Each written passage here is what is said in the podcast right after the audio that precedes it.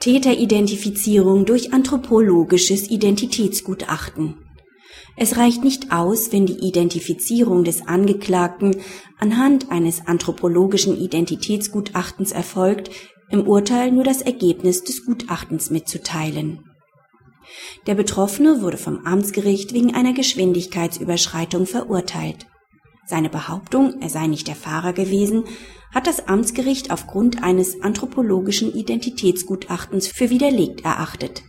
Im Urteil wurden im Wesentlichen die Ergebnisse des Gutachtens mitgeteilt. Der Betroffene legte Rechtsbeschwerde ein. Das Oberlandesgericht hat der Rechtsbeschwerde des Betroffenen stattgegeben. Es verweist darauf, dass es sich bei anthropologischen Identitätsgutachten nicht um ein allgemein anerkanntes und weithin standardisiertes Verfahren handelt.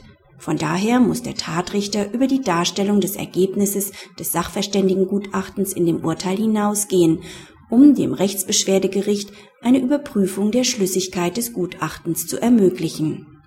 Nach Auffassung des Oberlandesgerichts muss der Tatrichter darlegen, auf welche und wie viele übereinstimmende metrische und deskriptive Körpermerkmale der Sachverständige sich bei seiner Bewertung gestützt hat. Ferner muss mitgeteilt werden, auf welche Art und Weise diese Übereinstimmungen ermittelt wurden. Auch bedarf es Ausführungen dazu, welche Häufigkeit hinsichtlich der jeweils übereinstimmenden Merkmale der Wahrscheinlichkeitsberechnung zugrunde gelegt und wie sie ermittelt worden sind. Praxishinweis bei Identitätsgutachten kann von einem gesicherten Stand der Wissenschaft jedenfalls zum jetzigen Zeitpunkt nicht ausgegangen werden.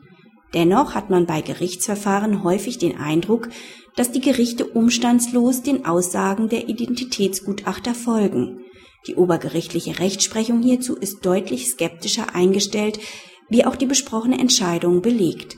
Bei der Anhörung eines Identitätsgutachters sollte darauf geachtet werden, dass der Sachverständige, bevor er den Betroffenen in Augenschein nimmt, darlegt, auf welche Identitätsmerkmale er seine Begutachtung im Wesentlichen stützen will